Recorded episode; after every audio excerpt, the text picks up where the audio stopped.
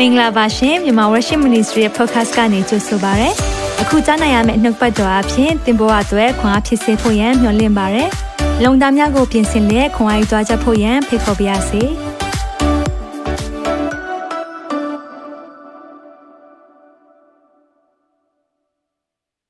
မင်္ဂလာပါသက်ရှင်တဲ့ဖခင်နှုတ်ပတ်တော်ကိုခံယူဖို့ရောက်ရှိနေကြတဲ့မိသားစုအားလုံးကိုဒီနေရာကနေနှုတ်ဆက်ပါရယ်ဒီကမ္ဘာလုံးကနေဖခင်ကိုချစ်တဲ့သူတွေအားလုံးနှုတ်ပတ်တော်ကြားခြင်းတဲ့သူတွေရောက်လာတယ်အာမင်။ဘာကြောင့်လဲဆိုတော့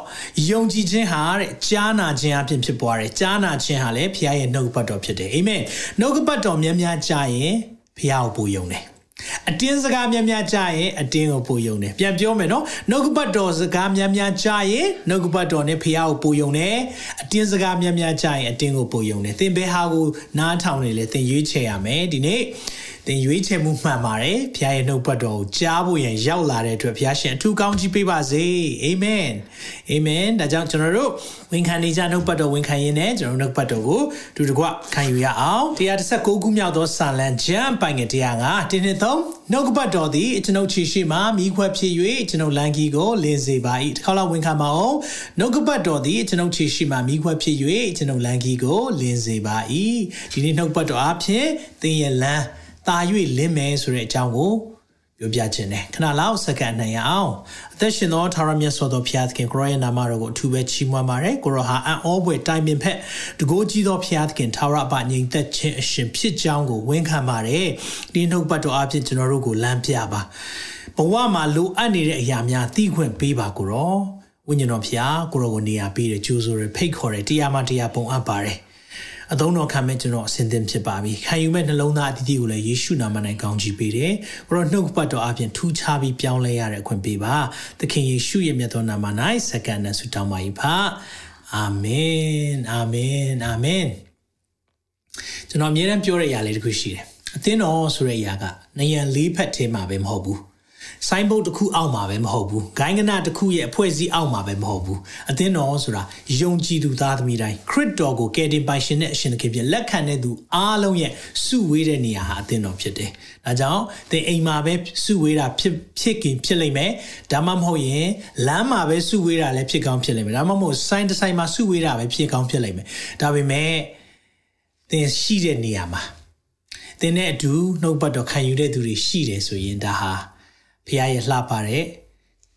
ဖခင်ရဲ့ကိုဖြစ်တဲ့အသင်းတော်ဖြစ်တယ်။ဒါကြောင့်အရောက်စီတိုင်းဒီနေ့မှာ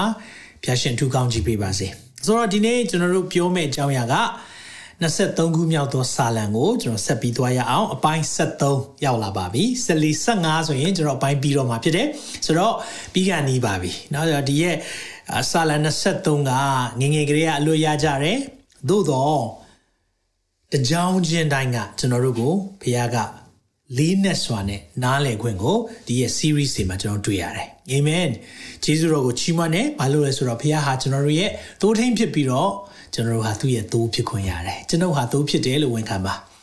ဘာလို့လဲဆိုတော့ကျွန်တော်တို့ကသိုးဖြစ်မှမသိဘူးဆိုရင်ကျွန်တော်တို့ဘယ်သူနောက်လိုက်ရမှမသိဘူးအဲကြောင့်တချို့တွေကကိုယ့်ဟာကိုယ်သိုးဖြစ်မှလည်းမသိဘူးဘယ်နောက်လိုက်မှလည်းမသိဘူးဟိုဘက်လည်းလိုက်သွားလိုက်ဒီဘက်လည်းလိုက်သွားလိုက်ဟိုတယောက်တွေ့ရင်လည်းလိုက်ဒီတယောက်တွေ့ရင်လည်းလိုက်အဲ့လိုဖြစ်နေရင်သင်ဟာသိုးမစစ်သေးဘူး အကြောင်းဒီနေ့ဖခင်ရဲ့သိုးစစ်မှန်တဲ့သိုးဖြစ်ဖို့လိုအပ်တယ်အကြောင်း2023ကိုကျွန်တော်တို့ကသိုးထိန်တဲ့အတူ with the shepherd ဆိုပြီးတော့ကျွန်တော်လေ့လာခဲ့ကြတယ်ဆိုတော့ဒီရဲ့ခံယူတဲ့နှုတ်ပတ်တော်တစ်နှစ်လုံးအတွက်ကျွန်တော်တို့အတွက်ကင်ဆွဲထားတဲ့နှုတ်ပတ်တော်လည်းရှိပါတယ်ရှင်ယောဟန်ခရစ်ဝင်ကျမ်းခန်းကြီး30ငွေ20ခွန်အတူတူဖတ်ရအောင်ငါသိုးတို့သည်ငါစကားတန်ကိုနားထောင်၍ငါနောက်သို့လိုက်ကြ၏ထိုသိုးတို့ကိုငါသိ၏ဘုရားစကားကိုကြားတာလားနားထောင်တာလား ပြန်ပြောမယ်ဘုရားစကားကိုကြားတာလားနားထောင်တာလားဒါကြောင့်မလို့ကလေးရှိတဲ့မိဘတိုင်းသိတယ်ငါပြောနေတာကိုကြားလားလို့ပြောရင်ကြားတယ်နားမထောင်လေကလေးကဟုတ်တယ်နော်ကျွန်တော်လငယ်တော့အဖေမင်းစကားကိုကြားနေသူဘာပြောလိုက်သေးလဲဆိုတော့ဖေတို့မေတို့ကလည်းပွားနေတာပဲပွားတယ်လို့ပဲမြင်တယ်ဒါပေမဲ့ဟဲ့ကြားလားဆိုကြားတယ်လိုက်လို့ရမှန်းမသိဘူးဒီနေ့ဖျားစကားကိုလည်းကြားတဲ့သူပဲမဟုတ်ပဲနဲ့ နားထောင်တဲ့သူဖြစ်ပါစေနားထောင်ခြင်းမှာနားခံခြင်းပါတယ်နားထောင်တဲ့သူဟာကြားတဲ့အရာကိုကြားတဲ့အစ်စ်ပဲမဟုတ်ဘူး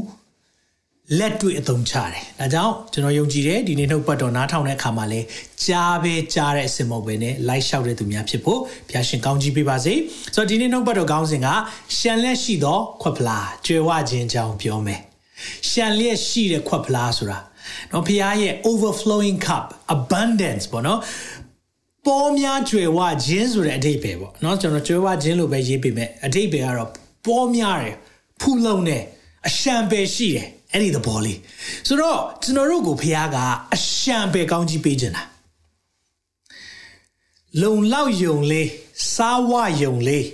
အသက်တာမှာအသက်ရှင်ယုံလေးအဲ့ဒီအစ်စ်နဲ့ဖခင်ထားခြင်းတာမဟုတ်ဘူးကျွယ်ဝစွာပံ့ပိုးခြင်းနဲ့ဖခင်ဖြစ်တယ်အာမင်ဒါကြောင့်သင်ရဲ့အသက်တာဟာ ဖခင်ဘသူဖြစ်တယ်လဲဆိုတာသိတယ်ဆိုရင်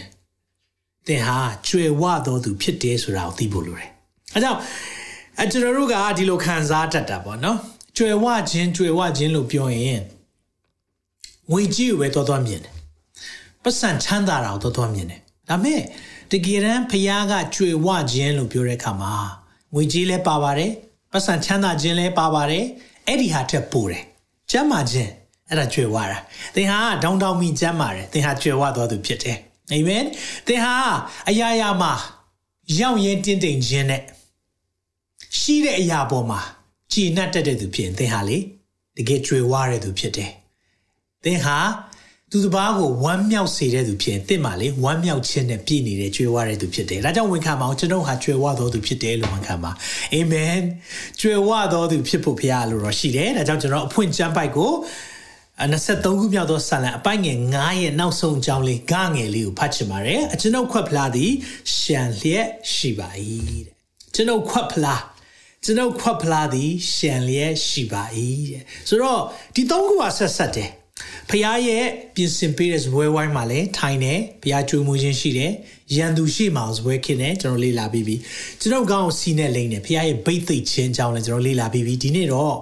ရှံလက်ရှိတဲ့ခွက်ဖလားကြောင်းလေ့လာရအောင်ဆိုတော့ရှီရှံလက်ရှိတဲ့ခွက်ဖလားဆိုတဲ့အရာရှံထွက်နေတဲ့ခွက်ဖလားပေါ့နော်ရှန်လက်ရှိတဲ့ခွက်ဖလားအကြောင်းလေ့လာတဲ့အခါမှာဒီသုံးခုကိုအရင်ဆုံးသိဖို့လိုတယ်အဲ့ဒါဘာလဲဆိုတော့ဖះကလိုအပ်တာထက်ပိုရှန်စေတဲ့ဖះဖြစ်တယ်လို့ဝန်ခံပါအောင်လိုအပ်တာထက်ပိုရှန်စေတယ်နောက်တစ်ခုကမကုံခန်းနိုင်တဲ့အရင်မြင့်ပိုင်ရှင်ဖြစ်တယ် ဖះစီမှာကုံသွားတာမရှိဘူးကျွန်တော်မိဘတွေစီသွားတဲ့အခါမှာတခါလေမိဘတွေကအာဒီဒီထက်တော့ထပ်မပေးနိုင်တော့ဘူးဒီလအတွက် budget ကုံသွားပြီပတ်စံမရှိတော့ဘူးဆိုတော့ကျွန်တော်တို့တောင်းတဲ့အခါမှာတောင်းတော့တောင်းမိမယ်မရတော့ဘူးဒါပေမဲ့ဖះရဲ့ပိုင်ဆိုင်ခြင်းကြတော့ဘယ်တော့မှမကုန်ဖះအရင်အမြင့်လေနော်မကုံနိုင်တဲ့အရင်မြင့်ပိုင်ရှင်ဖြစ်တယ်ဆိုတာကိုသိဖို့လိုတယ်ပြီးရင်ဖះကအရာအားလုံးပြည့်စုံစေတဲ့ဖះလည်းဖြစ်တယ် ပြည့်စုံခြင်းအခွင့်ကိုပေးတဲ့ဖះဖြစ်တယ်ဒါကိုသိဖို့လိုတယ်မဟုတ်ဘူးဆိုရင်ကျွန်တော်ဒီလိုဖြစ်တတ်တယ်ယုံကြည်သူသားသမီးတွေမကြာခဏမေးတဲ့မိခွန်းနော်ကျွန်တော်ခဏခဏဖြေပေးရတယ်ဒီနေ့လည်းအဲ့ဒါလေးကိုဖြေပေးခြင်းတယ်ဆရာကျွန်တော်တို့ဖះကိုသိတယ်ဒါမဲ့ဘာလို့အိမ်နီးနားချင်းလောက်မချမ်းသာတာလေတဲ့အဲ့မိခွန်းခဏခဏမေးခံရတယ်ကျွန်တော်တို့ဖះကိုသိတာပဲယုံကြည်သူဖြစ်တာလေ ဒါပေမဲ့ဘာလို့အိမ်နီးနားချင်းလောက်တောင်မချမ်းသာတာလေတဲ့ဆိုတော့ကျွန်တော်တို့ကဘာနဲ့သွားနှိုင်းရှင်တာလဲဆိုတော့သူတို့ရဲ့ပတ်စံရှိခြင်းနဲ့ကြွယ်ဝချမ်းသာခြင်းကိုကျွန်တော်တို့ကသွားကြည့်တဲ့အခါမှာကျွန်တော်တို့ကအလောက်မရှိဘူးသူတို့လိုမဝတ်နိုင်ဘူးသူတို့လိုမစားနိုင်ဘူးသူတို့လိုမသုံးနိုင်တဲ့အခါမှာငါတို့ကတော့ဆင်းရဲတယ်ဖះကတော့တည်တယ်ဒါမဲ့ကျွန်တော်ပြောပြမယ်မိတ်ဆွေအဲ့ဒါကကျွန်တော်တို့အမြင်မှားနေတာအဲ့ဒီအမြင်ကိုယုံကြည်သူတွေခဏပြင်ရမယ် ကျွန်တော်တို့ကြွယ်ဝခြင်းကလေဒီသက်စာပဲမဟုတ်ဘူးထာဝရကာလအထိကြွယ်ဝတာသင်ရဲ့ချမ်းသာတဲ့အိမ်နီးနားချင်းဖះအောင်မသိဘူးဆိုရင်သူ့ရဲ့ကြွယ်ဝခြင်းခဏလေးကုန်သွားလိမ့်မယ်သင်မျက်စိရှေ့မှာပဲကုန်သွားလိမ့်မယ်ကြည်ထားလိုက်အဲကြောင့်သူတို့ကြွယ်ဝတယ်ချမ်းသာတယ်လို့ထင်ရပေမဲ့အဲ့ဒီကြွယ်ဝချမ်းသာခြင်းကဒီလောက290အတွက်ပဲဟုတ်တယ်သူတို့တည်သွားရင်သူတို့တည်သွားလို့မရဘူး သူတို့တည်သွားရင်အဲ့ဒီရဲ့ချမ်းသာတဲ့အရာတွေမပါသွားဘူးဒါမဲ့သင်နဲ့ကျွန်တော်ရဲ့ချမ်းသာကြွယ်ဝခြင်းကြတော့လေထာဝရကာလအထိချမ်းသာကြွယ်ဝတာဖြစ်တယ်ဟာလေလုယာဒါကြောင့်ဒီအရာလေးကိုအရင်မြင်ပါကျွန်တော်အမြင်မှန်ဖို့လိုတယ်ကျွန်တော်မြင်တဲ့အရာကကျွန်တော်လောကအရာမမြဲတဲ့စီးစိမ်ကိုသွားမြင်တဲ့အခါမှာကျွန်တော်ပြောနေတဲ့အကြောင်းအရာကဖထာဝရမှာကြွယ်ဝမယ့်အရာပြောတဲ့အခါမှာတော်တော်များများနားမလည်နိုင်ဒီကြွယ်ဝခြင်းသေသနာလို့ပြောရင်လေကျွန်တော်တို့ကဒီလောကမှာ အစင်ပြေဖို့အတွက်ပဲဟောကြတာများတယ်ဒါပေမဲ့သာဝရကာလမှာဆင်းရဲတဲ့သူအများကြီးဖြစ်လိမ့်မယ်လောကမှာတော့ကြွယ်ဝတယ်ပတ်စံရှိတယ်လူရှိမှာတော့အရင်ဟုတ်တယ်ဒါပေမဲ့သာဝရကာလမှာဆင်းရဲမဲ့သူအများကြီးရှိတယ်ဒါကြောင့်ကျွန်တော်တို့ပြောချင်တဲ့သဘောကဒီနေ့နားလဲပါဒီဖျားပေးတဲ့ကြွယ်ဝချမ်းသာခြင်းဆိုတာအဲ့ဒီစစ်မှန်တဲ့စီးစိမ်ကြောင့်လေးတွေပြောပြမယ်အာမင်ဒါကြောင့်စစ်မှန်တဲ့စီးစိမ်နော်ရှန်ထွက်တဲ့ကောင်းကြီးဆိုတာဘာလဲဆိုတာကို ပထမဦးဆုံးနားလည်ရမယ့်အချက်ကဘာလဲဆိုတော့ရှန်ထွက်ကောင်းကြီးကိုဖျားကပဲပေးနိုင်တယ်ရှန်ထွက်တဲ့ကောင်းကြီးကိုဖျားကပဲပေးနိုင်တယ်ဆိုတာနံပါတ်1နားလဲပါမိတ်ဆွေဒီနေ့လေအာကျွန်တော်ကျွန်တော်ဘဝမှာလည်းအဲ့ဒီရှန်ထွက်တဲ့ကောင်းကြီးမင်္ဂလာလို့ပြောတဲ့အခါမှာခုနကကျွန်တော်ပြောခဲ့သလိုပဲလောကရဲ့အရာကိုပဲသွားသွားမြင်ခဲ့တဲ့အချိန်ကျွန်တော်ဘဝမှာဖြစ်တန်းရတယ်ဆိုတော့အဲ့ဒီတုန်းကကြတော့ အရန်ကြိုးစားတာပေါ့နော်ဘဝမှာအရန်ကြိုးစားတယ်အလုပ်ဆိုနှစ်ခုလောက်လုပ်တယ် shift တွေအကြာကြီးလုပ်တယ်အာဟိုကြိုးစားရမယ်ဒါမှပဲကို့မှာသူများထက်ပို့ပြီးတော့ဝင်ဝင်ရှိမယ်စုရမယ်စသဖြင့်လုပ်တဲ့ခါမှာအဲ့လိုပြောလို့နော်ဟိုမကြိုးစားရဘူးပြောတာမဟုတ်ဘူးကြိုးစားတာကောင်းတယ်ဒါပေမဲ့အဲ့ကြိုးစားတာထက်ကောင်းတဲ့အရာတစ်ခုကိုလေကျွန်တော်အခုနားလည်သွားတယ်ကိုးစားတာပုံကောင်းတယ် စူးစမ်းခြင်းပါပေမဲ့ကိုးစားခြင်းမရှိတဲ့သက်တာမှာဘာဖြစ်လဲသိလားရှာထွက်တယ်ပြန်ပြောမယ်နော်စူးစမ်းခြင်းပဲပါပြီးတော့ကိုးစားခြင်းမပါတဲ့အခါမှာရှာထွက်တယ်ဒါပေမဲ့စူးစမ်းခြင်းပါပြီးတော့ကိုးစားခြင်းနဲ့သွားတဲ့ခါမှာတော့ရှန်ထွက်တယ်မိတ်ဆွေဒီနေ့အဲကြောင့်ကျွန်တော်ကြားဖို့တယ်လीနော်ကိုဟာကိုသွားတော့ရှာထွက်တယ်တဲ့ဖះနဲ့သွားရင်တော့ရှန်ထွက်တယ်တဲ့ ဆိုတော့အဲ့ဒါကမှန်တဲ့လောက်တော့မှန်ပါတယ်နော်ဟာသလည်းဖြစ်တာပေါ့ဒါပေမဲ့တကယ်တမ်းတော့ဖះစူးစမ်းတာကိုကြိုက်တယ်ဒါပေမဲ့စူးစမ်းခြင်းနဲ့ကိုးစားခြင်းอ่ะခွဲလို့မရဘူးတချို့ကြတော့ဖះကိုကိုးစားတယ်မစူးစမ်းဘူးအဲ့လိုအဲ့လိုတွေလည်းမရှန်ထွက်ဘူးသူတို့တွေဘဝမှာကြည်တဲ့ခါမှာအမြဲတမ်းဟိုညီကိုမောင်နှမတွေကိုတောင်းနေရတဲ့အစ်စ်မရှိသေးတယ်။ကိုးစားလားဆိုသူတို့ဖះကိုကိုးစားတယ်ပြောဒါပေမဲ့တကယ်ကိုးစားမစားဆိုတာသူတို့ရဲ့ကြိုးစားခြင်းမှာပေါ်တယ်။အဲကြောင့် ကျွန်တော်ခုပြောနေတဲ့အရာလေးနားလည်မယ်ထင်ပါတယ်နော်။နားရှုပ်သွားရင်ပြန်ရှင်းပြမယ်။ကြိုးစားရမယ်လူကဘဝမှာဒါပေမဲ့ကိုးစားခြင်းပါမယ်။ကြိုးစားခြင်းတစ်ခုပဲသွားပြီးကိုးစားခြင်းမပါရင်ရှာထွက်မယ်။စူးစမ်းခြင်းလည်းပါမယ်ကိုးစားခြင်းလည်းပါတယ်ဆိုရင်ရှန်ထွက်တယ်ဟာလေလုယာဒီຢာလေးကိုသင်နာလဲဖို့လိုတယ်ဒါကြောင့်မလို့ဖခင်ကကောင်းကြီးပေးနိုင်တဲ့အရှင်ဖြစ်တယ်ဆိုတာကိုသိဖို့လိုတယ်အာဗြဟံစီပထမအဆုံးလာတဲ့အချိန်မှာဘယ်လိုပြောလဲသေးလားအာဗြဟံကိုရွေးကောက်တဲ့အချိန်မှာလေဖခင်သူ့ကိုယ်သူမိတ်ဆက်တယ်ထာဝရဘုရားသည်လေတဲ့ တပါဦးစနစ်အငယ်တက်မှာအာဗြဟံကိုအာဗြံအဲ့တော့ဆိုအာဗြဟံတော့မဟုတ်သေးဘူးအာဗြံပဲရှိသေးတယ်နာမည်တော့မပြောင်းသေးဘူးအာဗြံကိုခေါ်တော်မူ၍သိမ့်ပြီနဲ့တကွာအမျိုးသားချင်းပေါက်ဖော်များတဲ့ကထွက်ပြီးငါပြလက်တန်သောပြီကိုသွားလောငါဒီတင့်ကိုလူမျိုးကြီးဖြစ်စေမယ်တဲ့အဲ့ဒီချိန်မှာသားသမီးမရှိသေးဘူးငါကောင်းကြီးပေး၍သူ၏နာမကိုသင်၏နာမကိုကြီးမြတ်စေမယ်ငါကောင်းကြီးပေးမယ်နော်တွေ့လားဖခင်ကစမိတ်ဆက်တာဟော ငါလူမျိုးကြီးဖြစ်စေနိုင်တဲ့အရှင်ဖြစ်တယ်ကောင်းကြီးပေးနိုင်တဲ့သူဖြစ်တယ်လို့မိတ်ဆက်တယ်သင်ကကောင်းကြီးခံရမယ့်သူဖြစ်တယ်တဲ့တွေ့လားဒါကြောင့်လေကျွန်တော်တို့ဖျားဟာကောင်းကြီးပေးနိုင်တဲ့အရှင်ဖြစ်တယ်အရင်အမြစ်ဖြစ်တယ်ဆိုတာကိုသင်လုံးဝသိဖို့လိုတယ်အဲ့ဒါမသိဘူးဆိုရင်ဘာဖြစ်တတ်လဲဆိုတော့ကျွန်တော်တို့က poverty mentality လို့ခေါ်တယ်ဟိုဆင်းရဲခြင်းဟိုစိတ်ကအရ န်ဆင်းရဲတဲ့နိုင်ငံလာတဲ့ခါမှာကျွန်တော်ကဆင်းရဲခြင်းစိတ်ရှိတဲ့ခါမှာကျွန်တော်တို့ကဘာပဲပြောလိုက်လဲဘာပဲပြောတတ်လဲငါတို့ကဘဝကံမကောင်းဘူးငါတို့ကအခြေအနေမပေးဘူးငါတို့ကသူများလို့ပညာမသင်နိုင်ဘူးငါတို့ကသူများလို့အလုံးကောင်းတာမရှိဘူးဘာဖြစ်လဲဆိုတော့အရင်အမြစ်ကကိုလုံနိုင်တဲ့အရာပေါ်မှာပဲသွားပြမှုတည်တာဒါပေမဲ့ဖျားဖြစ်စေချင်တာကြတော့အရင်အမြစ်ကသူဖြစ်တယ်ဆိုတာသိဖို့လိုတယ် အာမင်ဒါကြောင့်မလို့ကျွန်တော်ပြောမယ်သင်ရဲ့သက်တာမှာဖျားဟာအရင်အမြစ်ဖြစ်တယ်ကောင်းကြီးအရှင်ဖြစ်တယ်ဆိုတာကိုဒီနေ့စပြီးမြင်လိုက်အဲ့ဒါအဲ့ဒီအမြင်စရှိပြီဟဲ့ဆိုရင်သင်ဖះကိုရှာတော့မယ်အာမင်ငွေကြီးဥစ္စာမရှာတော့လောကစည်းစိမ်ဖက်ကိုမသွားတော့ဖះကိုရှာခြင်းကိုသွားတာအဲ့လိုဖះကိုရှာတဲ့သူနောက်ကိုလေလောကစည်းစိမ်တွေကလိုက်ရှာတာ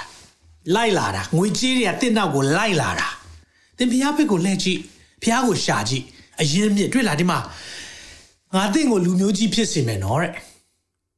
ငါပြလက်ထက်သောပြည်ကိုသွားဖျားစကားကိုနားထောင်တာအာဗြဟံအဲ့ဒီချိန်တော့တက်တောင့်တက်တာရှိတဲ့ဆွေမျိုးတွေကြားထဲကနေသူထွက်ပြီးဘယ်သူနောက်လိုက်လဲဖျားပြောတဲ့စကားနောက်ကိုလိုက်တာ တနည်းအားဖြင့်နှုတ်ကပတ်တော်အတိုင်းရက်တည်တာအဲ့လိုရက်တည်ပြီးသွားတဲ့ခါကျတော့ဘာဖြစ်လဲဆိုတော့ဘုရားဆက်ပြောတယ်ငွေသုံးမှာတင်းကိုကောင်းကြီးပေးတော်သူငါကောင်းကြီးပေးမယ်ဟာလေလုယာကောင်းကြီးပေးတဲ့သူတောင်ငါကောင်းကြီးပေးလိုက်အောင်မယ်တင်းကိုချိန်ဆတဲ့သူငါချိန်ဆမယ်တင်းအဖြစ်တင်းအဖြစ်လူမျိုးအပေါင်းတို့ဒီကောင်းကြီးမင်္ဂလာကိုခံရလိမ့်မယ်တဲ့ဒီနေ့ဣသရေလနိုင်ငံလို့ပြောတဲ့အရာကအာဗြဟံ၊အိဇက်၊ယာကုပ်ယာကုပ်ရဲ့နာမည်အသစ်ကဣသရေလဒါကြောင့်မလို့ဣသရေလနိုင်ငံဆိုတာရှိတယ် ဣသရေလနိုင်ငံကြောင့်ကျွန်တော်သင်နဲ့ကျွန်တော်ကောင်းကြီးရတယ်ဣသရေလနိုင်ငံကနေဘယ်သူထွက်လာလဲမေရှိယာကယ်တင်ရှင်ထွက်လာတယ်ဒါကြောင့်မလို့ဒီနှုတ်ပတ်တော်ပြည့်စုံသွားတာ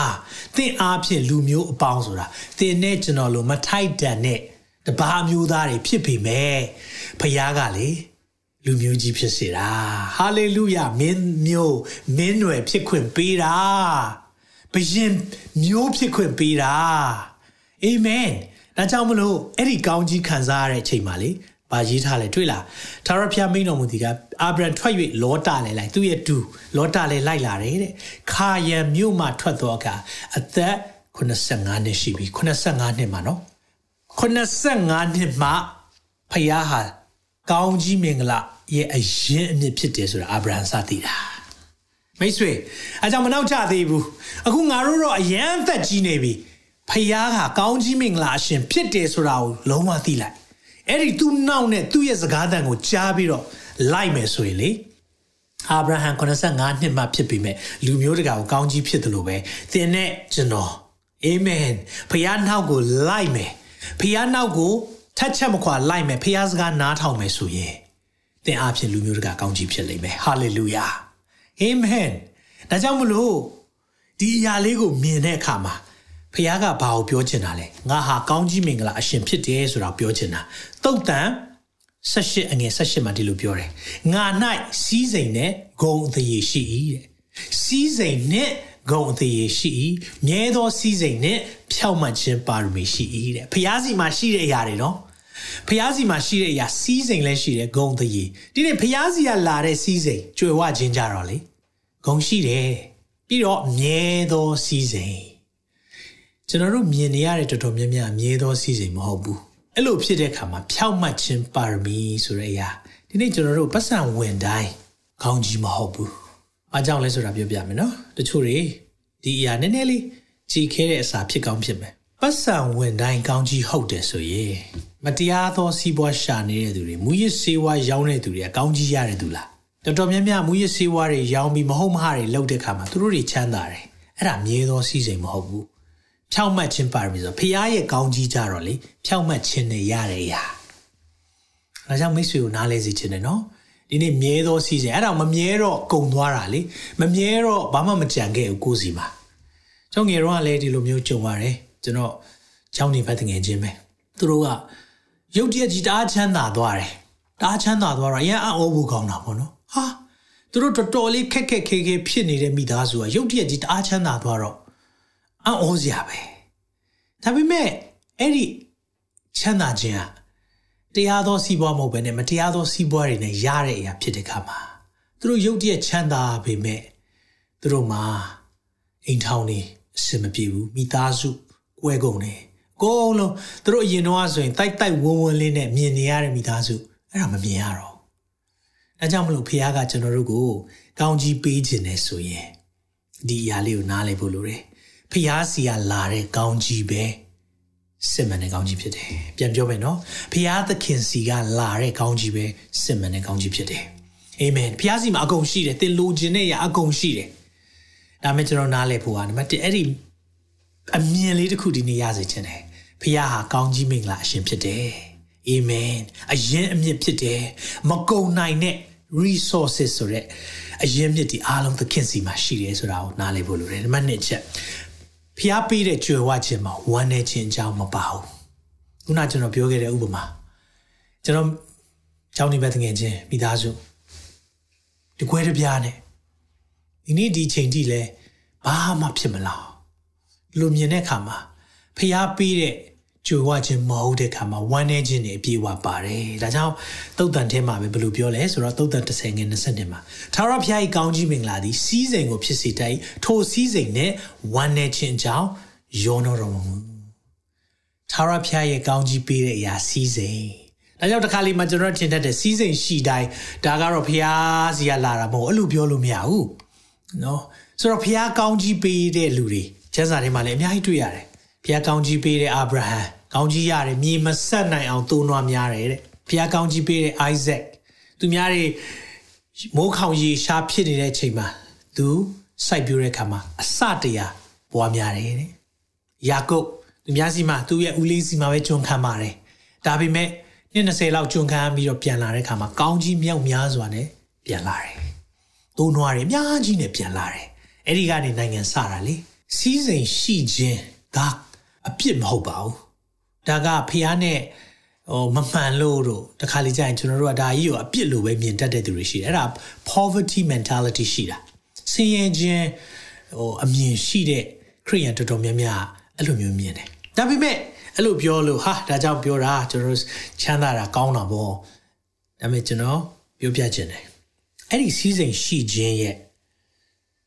နောက်ွယ်မှာ ဖះကဘာအမြဲတမ်းပေးလို့ရှိတယ်ဆိုတော့တာဝန်ဝတ္တရားဆိုတာလေးထည့်ပေးတယ်ဒါလေးကိုကျွန်တော်ကြည့်အောင်ဆိုတော့ဖះရဲ့ကောင်းကြီးမှာစီးစိမ်ဖြစ်တယ်အဲ့ဒီစီးစိမ်နဲ့ဝမ်းနေခြင်းကြောင့်မရောဘူးတဲ့ဒါကြောင့်မလို့ဖះကအဲ့ဒီစီးစိမ်ရှိခြင်းမှာတတိပေးတယ်လူကာစနစ်အငယ်15မှာထိုမှတပါလောဘလွန်ကြီးခြင်းကိုတတိနဲ့ကျင်ရှောင်ပါတဲ့တချို့ကစီးစိမ်ရှိချမ်းသာတယ်ဒါပေမဲ့လောဘတအားတက်လာပြီးတော့လောဘကြီးတယ်စကားပြောလို့မရတော့ ကျွန်တော်အမြဲတမ်းပြောတာတခုရှိတယ်အာပတ်စံဆိုရဲเนาะကျွန်တော်တို့မြင်တာအောင်ပြောတာပေါ့เนาะဒီချမ်းသာခြင်းတော့နာမည်ကြော်ကြားခြင်းတော့ဘာနဲ့တူလဲဆိုတော့မှန်ဘလူးနဲ့တူတယ်တော့ကျွန်တော်ကြားဖို့ရမလားအဒီဒီတယောက်ကအရင်တော့အဲ့လိုမဟုတ်ဘူးတဲ့ချမ်းသာသွားတော့စကားပြောလို့မရတော့ဘူးမဟုတ်ဘူးအစကတည်းကအဲ့လိုပဲဒီတယောက်ကအောင်မြင်သွားတော့မြောက်ကြွမြောက်ကြွနဲ့ဖြစ်သွားတယ်မဟုတ်ဘူးအစကတည်းကအဲ့တိုင်းပဲ ဘာပြတာလဲဆိုတော့အဲ့ဒီပတ်စံနဲ့အောင်မြင်ခြင်းကလေမှန်ဘလူးတဲ့တူတယ်တခါတည်းအကြီးကြီးပေါ်လာအောင်ပြလိုက်တာဒါပေမဲ့ကျွန်တော်ပြောပြမယ်ရက်ရောတဲ့စိတ်နှလုံးသားရှိတဲ့သူကလေသူအောင်မြင်လာတယ်သူချမ်းသာလာရင်လေအဲ့ဒီရက်ရောခြင်းပိုများလာတယ်မိတ်ဆွေမြင်လားရက်ရောတယ်ပေးကမ်းတယ်သူသိနေတယ်လေအရင်မြစ်ကဖျားစီရလာတဲ့ခါမှာအဲ့ဒီအတွက်ကိုပေးကမ်းတယ်ဒီလိုဝင်တယ်ဒီလိုပဲ လိုဝင်တယ်ဒီလိုပဲဘာကြောင့်လဲအရင်မြစ်စီကနေမပြတ်ဘူးဆိုတာသိနေတဲ့ခါမှာသူ့ထဲကနေအမြဲတမ်းစီးဆင်းသွားတယ်ဟာလေလုယာမိတ်ဆွေကျွန်တော်အဲ့လိုမျိုးဖြစ်စေချင်တယ်မြန်မာ worship မိသားစုတွေကိုအဲ့လိုစစ်မှန်တဲ့ကြွယ်ဝတဲ့သူတွေဖြစ်စေချင်တာဒါကြောင့်ဒီနီးလန်းနေနဲ့ကျွန်တော်တို့သွန်သင်ပေးနေတာဖြစ်တယ်နော်ဆိုတော့ကျွန်တော်တို့အောင်မြင်လာတယ်ကျွန်တော်ကြွယ်ဝလာတယ်ဒီအရာတွေဖြစ်လာတဲ့ခါမှာငါတို့မာနကြီးသွားတာတို့ဟုတ်လားအဲ့ဒါမျိုးတွေကျွန်တော်မကြားချင်ဘူးကျွန်တော်ကြားချင်တာ ပို့ပြီးပေးကမ်းတဲ့သူဖြစ်လာတယ်အောင်မြင်လာတဲ့ခါမှာအဲ့ဒီအောင်မြင်ခြင်းကိုအသုံးပြုပြီးလူတွေဖျားသိဖို့လှုပ်လာတယ်ဟာလေလုယာအဲ့ဒီသူတွေကိုဖျားကလေဒီထက်မကကောင်းကြီးပေးတယ်။ဘာကြောင့်လဲဆိုတော့စီးစိမ်နဲ့ပတ်သက်ပြီးတော့ကျွန်တော်တို့ကနားလေဖို့ကပါလဲဆိုတော့ငွေကိုတတ်မဲ့တော်သူသည်တဲ့ငွေနဲ့အလိုဆန္ဒမပြေနိုင်ဘူးတဲ့ဒေသနာ9ထဲမှာဒီလိုပြောတဲ့ငယ်30မှာစီးစိမ်ကိုတတ်မဲ့တော်သူသည်စီးစိမ်တိုးပွားတော့လဲမရောက်ရဲနိုင်တဲ့မရောက်ရဲဘူး ပိုရှိလေပိုလိုခြင်းလေပိုရှိလေပိုလိုခြင်းလေ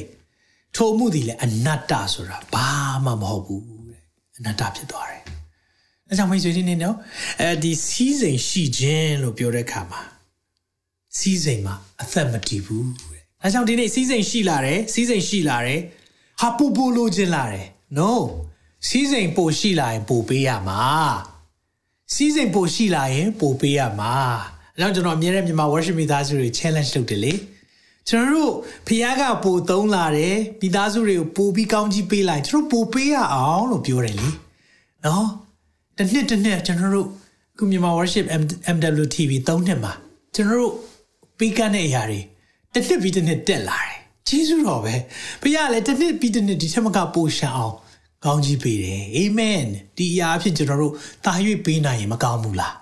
ဒါဆိုရင်ကျွန်တော်တို့ကဘာဖြစ်သွားလဲဆိုဟာငါတို့ပိုပေးလိုက်ရင်ငါတို့မရှိတော့ဘူးအဲ့လိုမဟုတ်ဘူးဖခင်နေရာမှာကြတော့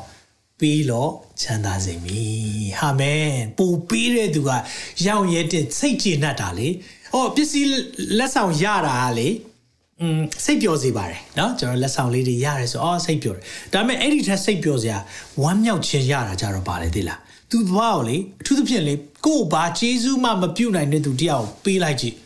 အဲ့ဒီပျော်ရွှင်ခြင်းကြတော့ဖះစီရလာတဲ့ပျော်ရွှင်ခြင်းအရင်ဝမ်းမြောက်တာဒါကြောင့်ပေးလူခြင်းဟာသိကောင်းတယ်အာမင်အဲကြောင့်ကျွန်တော်တို့ကိုဖះကလေဘာမျှော်လင့်လဲဆိုတဲ့အရာလေးကိုပြောပြချင်တယ်နောက်ဆုံးချက်ဖြစ်တယ်များစွာအနှင်းသူကိုများစွာတောင်းတယ်အဲကြောင့်ဘယ်နှယောက်ဒီမှာစီးစိမ်ချမ်းသာခြင်းလဲအများကြီးပါเนาะကြွယ်ဝချမ်းသာခြင်းတဲ့သူတွေရှိတယ်ဟာလေလုယာအာမင်အများကြီးချမ်းသာခြင်းအများကြီး ဖះတောင်းလိုက်မယ်ပေးဖို့စဉ်းသင့်ပြင်ထားပါနော်ပေးဖို့စဉ်းသင့်ပြင်ထားပါအများကြီးချမ်းသာလာတဲ့သူတွေရှိရင်ဖះပါပြောလဲဆိုတော့ဒီမှာကျွန်တော်တစ်ချက်လောက်ကြည့်အောင်ဆိုတော့ဖះကကျွန်တော်တို့ကိုကျွယ်ဝခြင်းပေးတယ်ဆိုတော့လူကာ7အငယ်50ခွန်မှာအကျဉ်းကျွန်းသည်မိမိသခင်အလိုကိုသိလျက်နဲ့အသစ်မနေသခင်အလိုကိုမဆောင် ထိုသူသည်များစွာသောဒဏ်ကိုခံရ၏သခင်အလိုကိုမသိဘဲလျက်ဒဏ်ခံသောအမှုကိုပြုမိသောသူကအနှဲငယ်သာဒဏ်ကိုခံရ၏တဲ့ဖျားလိုမသိလို့မပေးမိတာတော့နည်းနည်းတော့ခံရမယ်တဲ့ဒါပေမဲ့ဒီမှာဗာပြောလဲဆိုတော့ အကျဉ်သူသည်များစွာသောခြေဆုကိုခံရ၏အတူတူဖတ်ကြည့်အောင်အကျဉ်သူသည်များစွာသောခြေဆုကိုခံရ၏ထိုသူသည်အများကိုဆက်ရ၏အကျဉ်သူသည်များစွာသောဥစ္စာကိုအနှင်း၏ထိုသူကိုများစွာတောင်းလိုက်မိတဲ့နော်ဖခင်ကကျွန်တော်တို့ကိုအလကားကြွယ်ဝခြင်းပေးတာမဟုတ်ဘူးဒီနေ့အာဗြဟံကိုပြောလိုက်တယ်လူမျိုးကြီးဖြစ်စေမယ်သင်အဖြစ်လူမျိုးတကာကောင်းကြီးဖြစ်မယ်ဒီအတွက်သူ့ရဲ့ပေးဆက်ရတဲ့အရာရမ်းများတယ်ယုံကြည်ခြင်းဆောင်ပွဲတွေသူဖြေရတယ် အဲ့ဒါတွေအားလုံးပြီးတဲ့အခါမှာဒီနေ့ကြည့်လေသူ့အဖြစ်ကောင်းကြီးမဖြစ်ခိုင်းဘူးလားကျွန်တော်တို့တွေကောင်းကြီးဖြစ်တယ်သူအဖြစ်သူ့ရဲ့စကားနားထောင်တဲ့အရာအဖြစ်လူမျိုးတကာကိုကောင်းကြီးဖြစ်စေတာဟာလေလုယာဖခင်ကအလောက်ထိကျွန်တော်တို့ကိုချစ်တာသင်တို့ပြင်ဆင်ထားတဲ့အရာတွေသင်ကိုပြင်ဆင်နေတာအာဆီယာကြီးကျမတို့ဘလို့မှကိုမရှိနိုင်သေးဘူးကျွန်တော်ပြောမယ်သင်အတွက်ပြင်ဆင်ထားတဲ့အရာသိပြီးတော့ကြီးမားတဲ့အခါမှာလေ အဲ့ဒီအရာကိုဂိုင်တွေတက်ဖို့သင်ကိုဖျားပြင်ဆင်ပေးတယ်အရင်ဆုံးသင် character ကိုအရင်ပြင်မှရမှာမဟုတ်ဘူးဆိုရင်သင်ကိုပေးလိုက်တဲ့အရာကြောင့်သင်မြောက်တက်သွားမှာသင်လွတ်ထွက်သွားမှာကိုယ့်ရဲ့စိတ်ဆန္ဒရှိတဲ့အရာအားလုံးကိုဝယ်ပလိုက်တော့မှာအဲကြောင့်ဘုရားရဲ့ဝိညာဉ်တော်ကကာမဂုဏ်ချုပ်တီးခြင်းဆိုတဲ့အရာလည်းပေးတယ်ဝိညာဉ်သီးထဲမှာအဲကြောင့်သင်အတွက်ပြင်ဆင်ထားတဲ့အရာကြီးမားတဲ့အရာရှိတယ်ဒီအတွက်လေကြီးမားတဲ့ဆောင်ဝဲဖြစ်ရလိမ့်မယ် ကြီးမားတဲ့ပြုပြင်ခြင်းသင်အတွက်ဖျားပြင်ဆင်ထားတဲ့အရာအတွက်သင်ကိုဖျားပြင်ဆင်နေတယ်။အဲကြောင့်လာတော့မယ်သင်ကောင်းကြီးလာမယ်။ကြီးမားသောကြွယ်ဝခြင်းသင်ပေါ်မှာရောက်လာမယ်။ဘယ်နှယောက်လိုချင်လဲ။ဒါမဲ့သင်ကိုဖျားအရင်ပြင်မယ်နော်။ဖျားအရင်ပြင်မယ်နော်။ဖျားအရင်ပြင်ဆင်ပြီးတဲ့အခါကျမှပဲပေးတာ။ No ကျွန်တော်တို့အခုဒီမြန်မာ worship ministry လိုမျိုးနောက်တစ်ယောက်ပေးလို့မရအောင်။ပေးလိုက်သူတို့မခံနိုင်ဘူး။ပေးလိုက်လွတ်ထွက်သွားမှာ။အဲ့အတွက် မပေးဘူးကျွန်တော်တို့အများကြီးဖခင်ပြုပြင်ခြင်းခံရတယ်အများကြီးကြိုးပဲ့ခြင်းမွားခြင်းဆောင်မွဲတွေဖြေရတယ်အများကြီးနိုင်နှင်းအောင်လို့ဖခင်ဒီနေ့ချိန်လည်းပြင်နေတော့မယ်အဲ့ဒီချိန်ကြမှာဒီလိုကြီးမားတဲ့အရာတခုပေးလိုက်တဲ့အခါမှာကိုရောကိုရောဒီကြီးမားတဲ့အရာတခုအတွက်ကျွန်တော်ဘာလုပ်ရမလဲကိုရောကိုဘယ်လိုနှစ်သက်အောင်ကိုရောရဲ့စိတ်တော်တွေ့အောင်ကျွန်တော်ဘာလုပ်ရမလဲ အဲကြောင့်မလို့လေကျွန်တော်ခွက်ပလာရှန်နေဆိုတာလေဒါဝိဘာလို့ပြောလဲသိလားသူ့ဘဝမှာ15နှစ်လောက်ပြုပြင်ခံပြီးမှဘယင်ဖြစ်လာတဲ့အခါမှာသူ့နှလုံးသား ready ဖြစ်နေပြီဒါကြောင့်ကျွန်တော်တို့ကိုလေဘုရားကလေချီးမြှောက်ခြင်းနဲ့ရှောလူကိုကြည်ပါနေချင်းညချင်းဘယင်ဖြစ်တဲ့အခါမှာသူ့ရဲ့ character ဆိုရက်ကိုကျင့်တရားမလိုက်နိုင်ဘူးချီးမြှောက်တယ်နော်ဒီမှာကြွယ်ဝစွာပေးတယ် prosperity အပြည့်ပေးလိုက်တယ်ယာထုအကြီးကြီးပေးလိုက်တယ်သူ့ရဲ့ကိုကျင့်တရားနဲ့သူ့ရဲ့ကြွယ်ဝခြင်းကဒီမှာပဲရှိတယ်မဆက်ဆက်နိုင်ဘူးဘသူပြက်စီးသွားလဲနောက်ဆုံးသူပြက်စီးသွားတယ်ဒါကြောင့်ဘုရားရှင်ပြန်ဒါဝိဒ်ကိုပိတ်သိမ့်ထားတယ်ဒါပေမဲ့ချက်ချင်းမပေးဘူးအဲ့ဒီမှာသူ့ရဲ့ကိုကျင့်တရားနဲ့သူ့ရဲ့ character ကိုပြင်ပေးတယ်ပြင်လဲပြင်ပေးပြီးတာတော့မှသူမှားသေးတယ်လေ မိဆွေနားလည်လားဒါကြောင့်မလို့ကောင်းကြီးမင်္ဂလာလို့ပြောလိုက်တဲ့အရာသိကောင်းတယ်ကြွယ်ဝခြင်းကျွန်တော်ကြားရင်အရင်အားရှိတယ်ဒါပေမဲ့သင်သိလားသင်အဲ့ဒီကောင်းကြီးမင်္ဂလာသေဒနာတွေနားထောင်ပြီးနှစ်ရက်လောက်တော့ခံတယ်ပြီးရင်ဘာမှမကြံတော့ကျွန်တော်တို့စာရေးလာတယ်ဆရာအဲ့ဒီကြွယ်ဝခြင်းမင်္ဂလာတွေအားတော့ဖြစ်သွားတယ်လေဘာလို့အားဖြစ်ရမှန်းမသိတော့ဘူးတဲ့နှစ်ရက်သုံးရက်ဆိုရင်ကျွန်တော်ပြပြမယ်စစ်မှန်တဲ့ကောင်းကြီးမင်္ဂလာကြောင့်ပြောမယ်နော်ဘုရားသင်ကိုအရန်ကောင်းကြီးပေးခြင်းတယ်ဒီချိန်ထဲမှာသင်ရဲ့ဇယိုက် သင်ရဲ့ကိုကျင့်တရားသင်ရဲ့ character အရင်ပြင်ပေးခြင်းတယ်အဲ့ဒီအရာပြင်ပြီးမှပဲ level down တူသွားတဲ့ခါမှာအဲ့ကောင်းကြီးဟာသင်သုံးတတ်လိမ့်မယ်မဟုတ်ရင်အဲ့ကောင်းကြီးသင်မသုံးတတ်ဘူးမသုံးတတ်တဲ့အခါမှာဖះဘုံတော်ရှုံချစရာတွေဖြစ်တယ်ပြီးရင်သင်ပျက်စီးသွားမှာအခုဥပမာပေးရမယ်ဆိုရင်သင်မှာမိဘတွေသားသမီးရှိတယ်ကိုသားသမီးကငယ်သေးတယ်ဆိုပါစို့10နှစ်အောက်15နှစ်အောက်ကိုအိမ်ကရှိတဲ့ကားအကောင်းစားလေးကို ကိုရှစ်နှစ်အရွယ်သားကိုပေးမောင်းမလားမပေးမောင်းဘူးမချစ်လို့မဟုတ်ဘူးတိတ်ချစ်လွန်းလို့မပေးတာအဲကြောင့်တစ်ခါလေတချို့လူတွေကောင်းကြီးမရသေးဘူးဆိုတော့တင့်ကိုတိတ်ချစ်လွန်းလို့မပေးတာတင်ဖြက်စီးတော့မယ်အဲအောင်စစ်မှန်တဲ့ကောင်းကြီးရှိဖို့ပါလေစစ်မှန်တဲ့ကြွယ်ဝခြင်းရှန်လက်ရှိတဲ့ခွက်ပလားဖြစ်ဖို့ပါလေအဲ့ဒီခွက်ကိုလေဖះအရင်ပြင်တယ်အဲ့ဒီခွက်ကိုအရင်တန့်အောင်လုပ်ပေးတယ်အဲ့ဒီခွက်ထဲမှာမလိုအပ်တဲ့အရာတွေအရင်ဖယ်ပေးလိုက်မယ် အဲ့ဒါပြီးမှပဲအဲ့ဒီခွက်ထဲမှာရှန်လက်ရှိတဲ့ခွက်ပလားဟာလေလုယာမိတ်ဆွေဒီနေ့နားလဲပါစေဒီနှုတ်ပတ်တော်နည်းနည်းကြည်ခဲတဲ့စားစားဖြစ်ကောင်းဖြစ်လိမ့်မယ်ဖះရဲ့ကြွယ်ဝခြင်းအိုး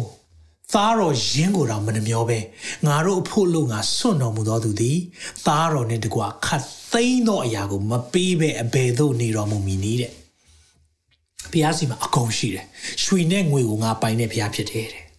ကြော်ကြားခြင်းတွေဂုံတည်ရှိခြင်းတွေအကုန်ပိုင်တယ်ဘုရားပေးလို့ရတယ်ဒါမဲ့တင့်ကိုပေးဖို့ ready ဖြစ်ဖို့တင်နဲ့ဆိုင်တယ်ဒါကြောင့်စစ်မှန်တဲ့ကြွေဝခြင်းလိုချင်ရင်လုပ်ရမယ့်အရာလေးတွေရှိတယ်ဒါလေးကိုကျွန်တော်ပြောပြချင်တယ်ဒါဆိုရင်ကြွယ်ဝတဲ့သူဖြစ်ဖို့စစ်မှန်တဲ့ကြွယ်ဝတဲ့သူတယောက်ဖြစ်လာဖို့လိုအပ်တဲ့အရာတွေပါရှိလဲရှိတယ်လိုအပ်တဲ့အရာတုတ်တန်20နှစ်အငယ်လေးမှာစိတ်နှိမ်ချခြင်း သာရဖျားကိုကြောက်ရွံ့ခြင်းဂျေစုကြောင့်စီးစိမ်ကုန်သည့်အသက်ကိုရတတ်၏တဲ့အာမင်အဲကြောင့်ဖျားရဲ့စီးစိမ်ဂုံအသက်အသက်စီးစိမ်တခုတည်းမဟုတ်ဘူးနော်သင်ရဲ့ကြွယ်ဝချမ်းသာခြင်းမှာဂုံတည်ရှိခြင်းမှာပါလာရမယ်အသက်ဖြစ်ခြင်းဆိုတာ life ရှိတာတချို့ချမ်းသာတယ် life မရှိဘူး life မရှိဘူးသူတို့ busy နေတယ် life လုံးဝမရှိဘူးမိသားစုအတွက်အချိန်မပေးနိုင်ဘူးသားသမီးအတွက်အချိန်မပေးနိုင်ဘူးအသင်းတော်အတွက်အချိန်မပေးနိုင်ဘူးနှုတ်ကပတ်တော်ခံယူဖို့အချိန်မရှိဘူးပြောသေးတယ် နှုတ်ကပတ်တော်ခံယူဖို့အချိန်မရှိဘူးတဲ့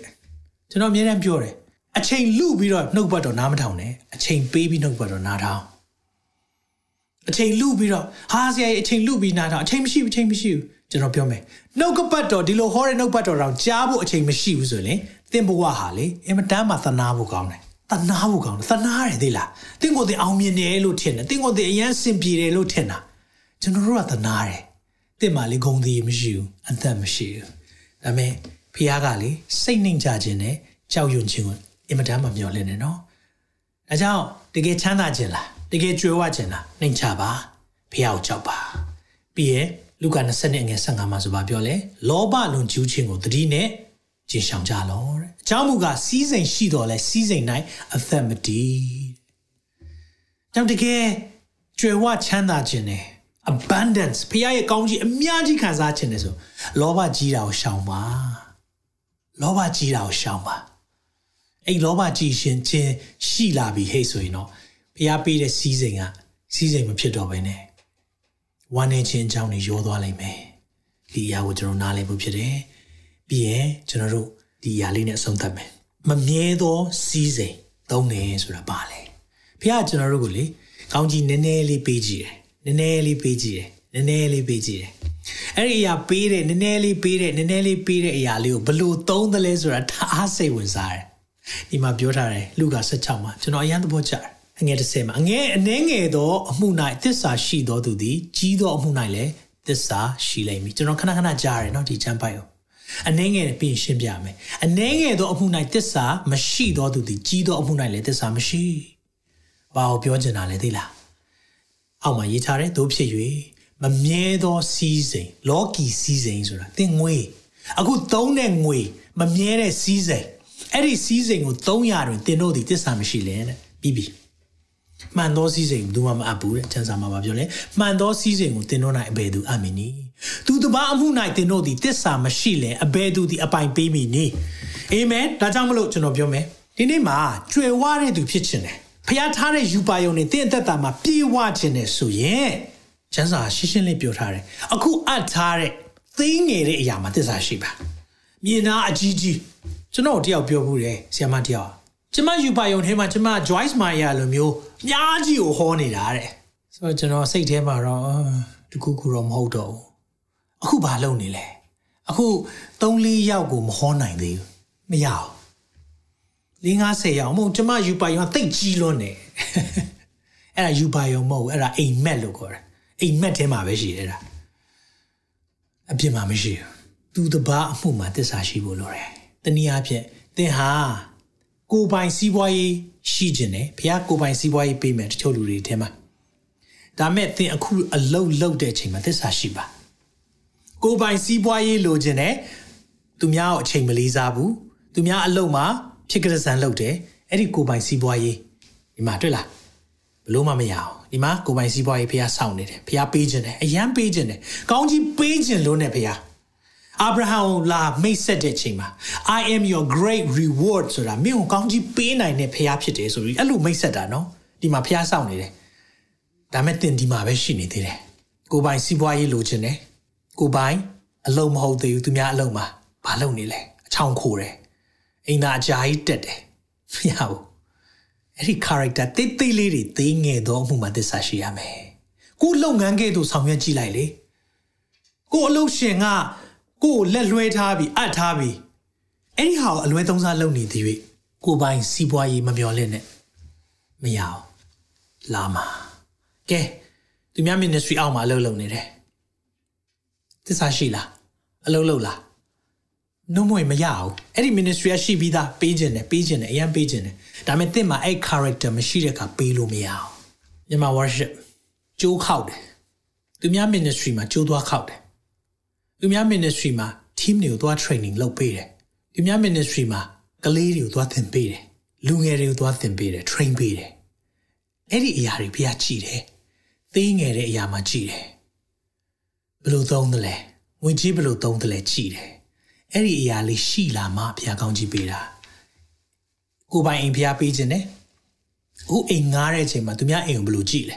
ကိုအိမ်လိုကြည့်ပေးတယ်ကိုအိမ်လိုကြည့်ပေးတယ်ကျွန်တော်တို့ဘုရားကိုပိုင်အိမ်မပေးခင်မှာသူများအိမ်ကိုလေကိုအိမ်ကဲသို့ကြည့်ပြီးတော့ပြင်ပေးတယ်အဲ့လိုပေးတဲ့အခါမှာဘုရားသစ္စာရှိခြင်းကိုမြင်လေကိုပိုင်အိမ်ပေးတယ်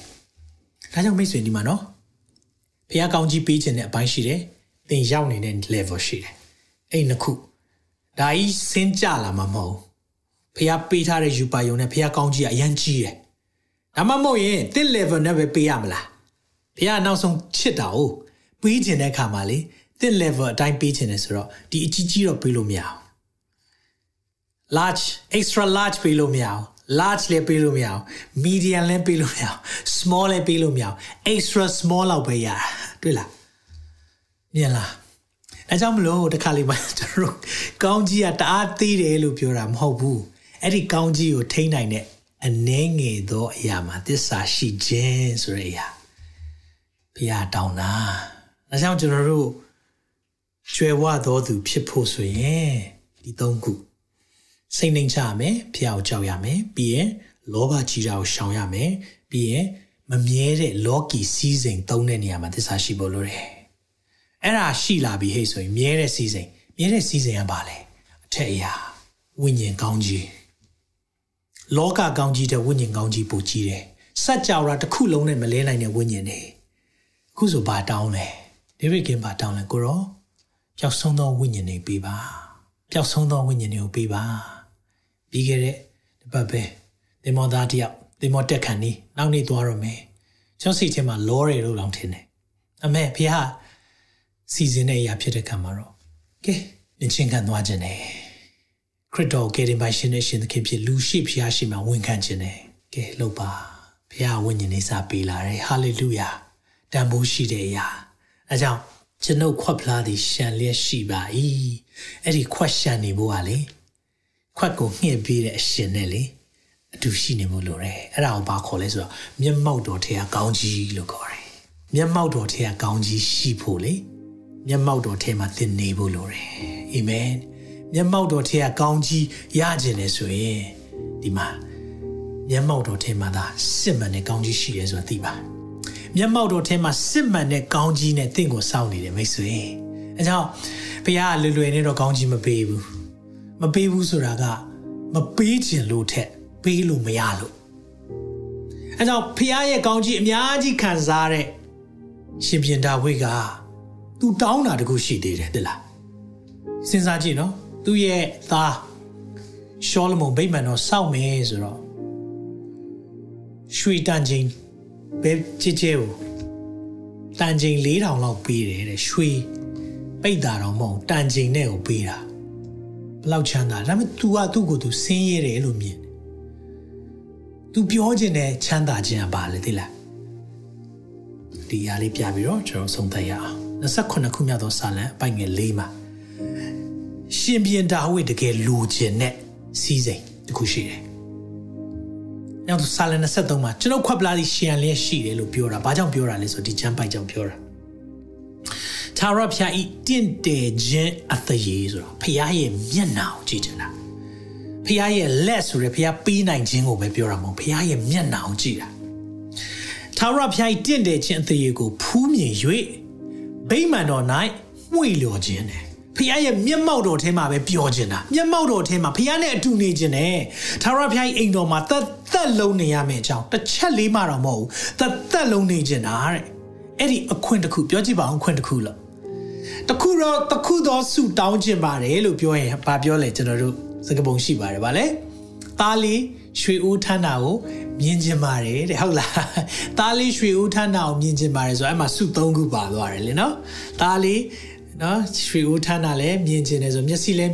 တောင်းခိုင်းတာမျက်စိမြင်ကျင်လားတဲ့ရွှေဦးလိုချင်လားတဲ့သားလေးကိုအသက်ပြန်ရှင်တာလိုချင်လားဆိုတော့သားလေးရွှေဦးထန်းလာကိုမြင်ကျင်တယ်တဲ့စုတစ်ခုတည်းပေါ့နော်အဲ့ဒါသုံးခုဒါပေမဲ့ရှင်ပြန်တာဝိတ်တောင်းတဲ့စုကြတော့လေတစ်ခုပဲတောင်းလိုက်တယ်ကိုရောပဲပေးပါတဲ့ကိုရောပဲလိုတယ်တဲ့ ဘာလို့လဲသိလားနားလည်အောင်ပြောရရင်ဟိုပတ်စံထုတ်ဆက်နဲ့ပတ်စံကြိုက်တဲ့လောက်ထုတ်လို့ရတဲ့ပတ်စံထုတ်ဆက်တစ်ခုရှိမယ်ပြီးရင်ဒီမှာပတ်စံအပုံကြီးရှိတယ်ဘယ်ဟာယူမလဲလို့ပြောရင်ဘာယူမလဲကျွန်တော်ကတော့ပတ်စံထုတ်ဆက်ကိုပဲယူမှာကြိုက်တဲ့အချိန်မှာလူလောက်ထုတ်လို့ရတယ်ပတ်စံအပုံကြီးယူလိုက်ရင်အဲ့ဒါကုန်သွားရင်သွားပြီအဲ့တိုင်းပဲဒီမှာကောင်းကြီးမင်္ဂလာအရှင်ရှိတယ်ဒီမှာကောင်းကြီးမင်္ဂလာစီစဉ်ရှိတယ် သင်ပါရွေးမလဲကြိုက်တာရွေးကြိုက်တာရွေးကြိုက်တာရွေး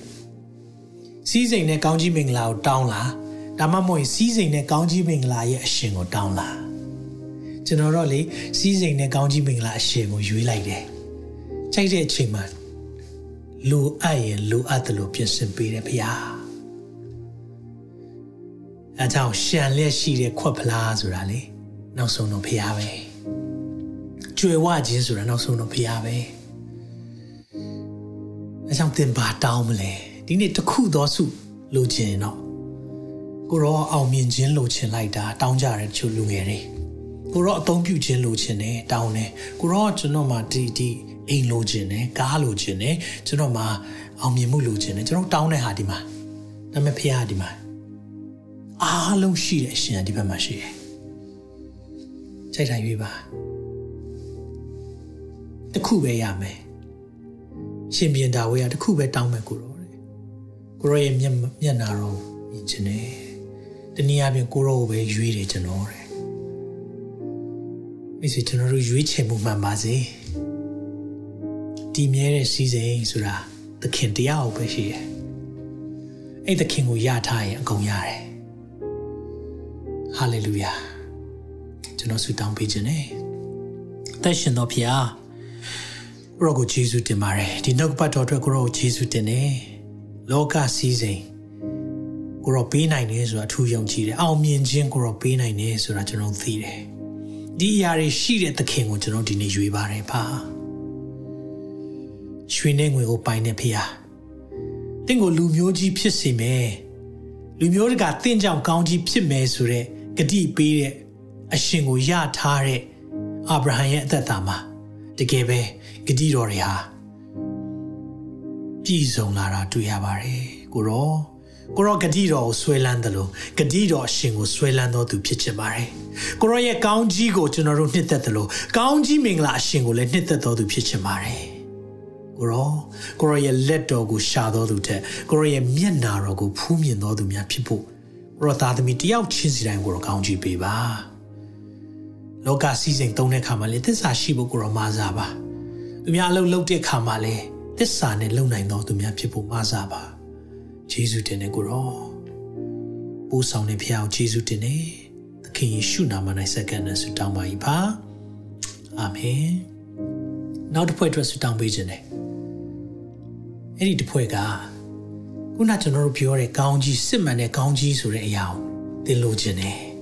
ဒါပေမဲ့အဲ့ဒီစစ်မှန်တဲ့ကောင်းကြီးရဖို့ကလေစစ်မှန်တဲ့ဖခင်ကိုသင်ရဖို့လိုတယ်အကြောင်းဒီနေ့စစ်မှန်တဲ့ဖခင်ကဘာလို့လဲမနေ့ယနေ့နောက်ကာလမပြောင်းလဲတဲ့သခင်ယေရှုဖခင်ဖြစ်တယ်အဲ့သခင်ကသင်ကိုသိချစ်တယ်လူလောကထဲမှာလူစားတိခံပြီးတော့သင်ကိုယ်စားလဝါးကားတိုင်းမှာအသေးဆိုးနဲ့အဖြစ်ပြက်ဆိုးနဲ့ကိုအသေးခံသွားတယ်။သင်နဲ့ကျွန်တော်ရဲ့အဖြစ်ကြောင့်ဖြစ်တယ်။လူတွေဘာလို့သိတာလဲမိတ်ဆွေသိလား။အဖြစ်တရားရဲ့အခါသိခြင်းဖြစ်တယ်။လူတွေအဖြစ်ကြောင့်သိရတာဖြစ်တယ်။ ဒါပေမဲ့အဲ့ဒီမှာပဲမပြီးသွားဘူး။ဖျားပေးနိုင်တဲ့အရာတခုရှိတယ်။ထာဝရအသက်။သင်ဘယ်တော့မှမသိတော့အိုခြင်းနာခြင်းသိခြင်းကင်းမဲ့တဲ့နေရာကိုဖျားပို့ပေးနိုင်တယ်။အဲ့ဒီနေရာသင်သွားခြင်းနဲ့ဆိုရင်သင်ပုံကိုတူးနဲ့တီးဖို့လိုတယ်တခြားသူမဟုတ်ဘူး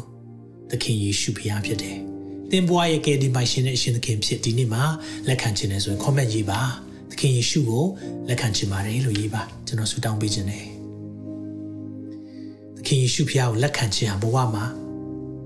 ကြီးမားဆုံးသောစီစဉ်ဖြစ်တယ်အာမင်အဲကြောင့်သင်ရဲ့သက်တာကိုကျွန်တော်ဆုတောင်းပေးခြင်းနဲ့မိသားစုတွေအားလုံးလည်းဒီတစ်ခွကျွန်တော်တို့ဆုတောင်းခြင်းနဲ့ပါဝင်ပေးရအောင်အာမင်ကျွန်တော်နောက်ကနေယေရှုပြုလိုက်ဆိုပေးပါ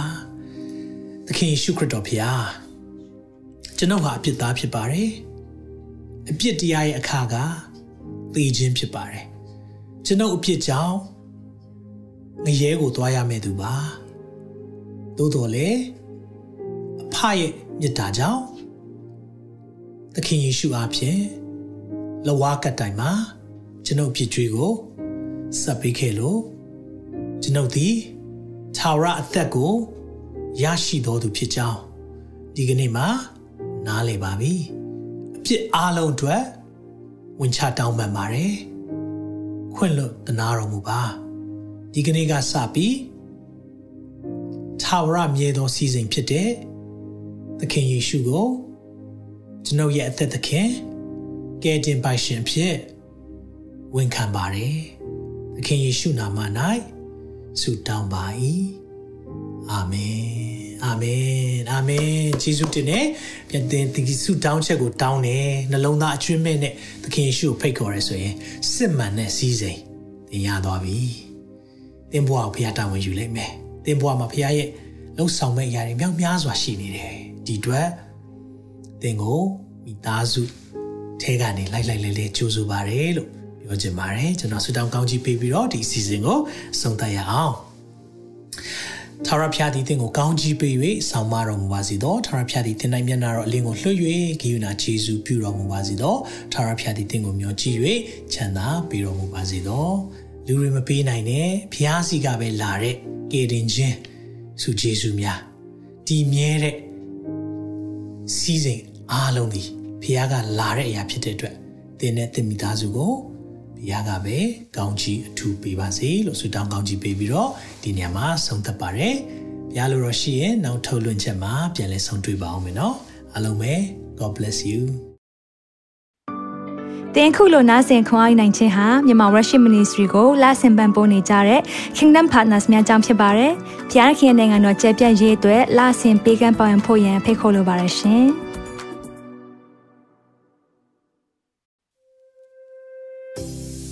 ကြားနာခဲ့ရတဲ့နှုတ်ပတ်တော်အဖြစ်ခွန်အားရရှိမယ်လို့ယုံကြည်မျှော်လင့်ပါတယ်။ခွန်အားရရဆိုလို့ရှိရင်ဒီတစ်ပတ်နဲ့ပြန်လည်ဝင်မြပေးဖို့ရန်တောင်းဆိုပါရစေ။ Myanmar Worship Ministry ရဲ့ website myanmarworship.com ကိုလည်းလာရောက်လေ့လာဖို့ရန်တိုက်ဖိတ်ခေါ်ချင်ပါတယ်။တချင်တဲ့မှာမြန်မာ worship ministry ရဲ့ social media platform များဖြစ်တဲ့မြန်မာ worship YouTube channel မြန်မာ worship Facebook page နဲ့မြန်မာ worship Instagram များကိုလည်းလာရောက်လေ့လာဖို့ရန်အတွက်ဖိတ်ခေါ်ချင်ပါတယ်။နောက်တစ်ချိန်မှာပြန်လည်ဆုံတွေ့ကြပါစို့။ဖျားရှင်ကောင်းကြီးပေးပါစေ။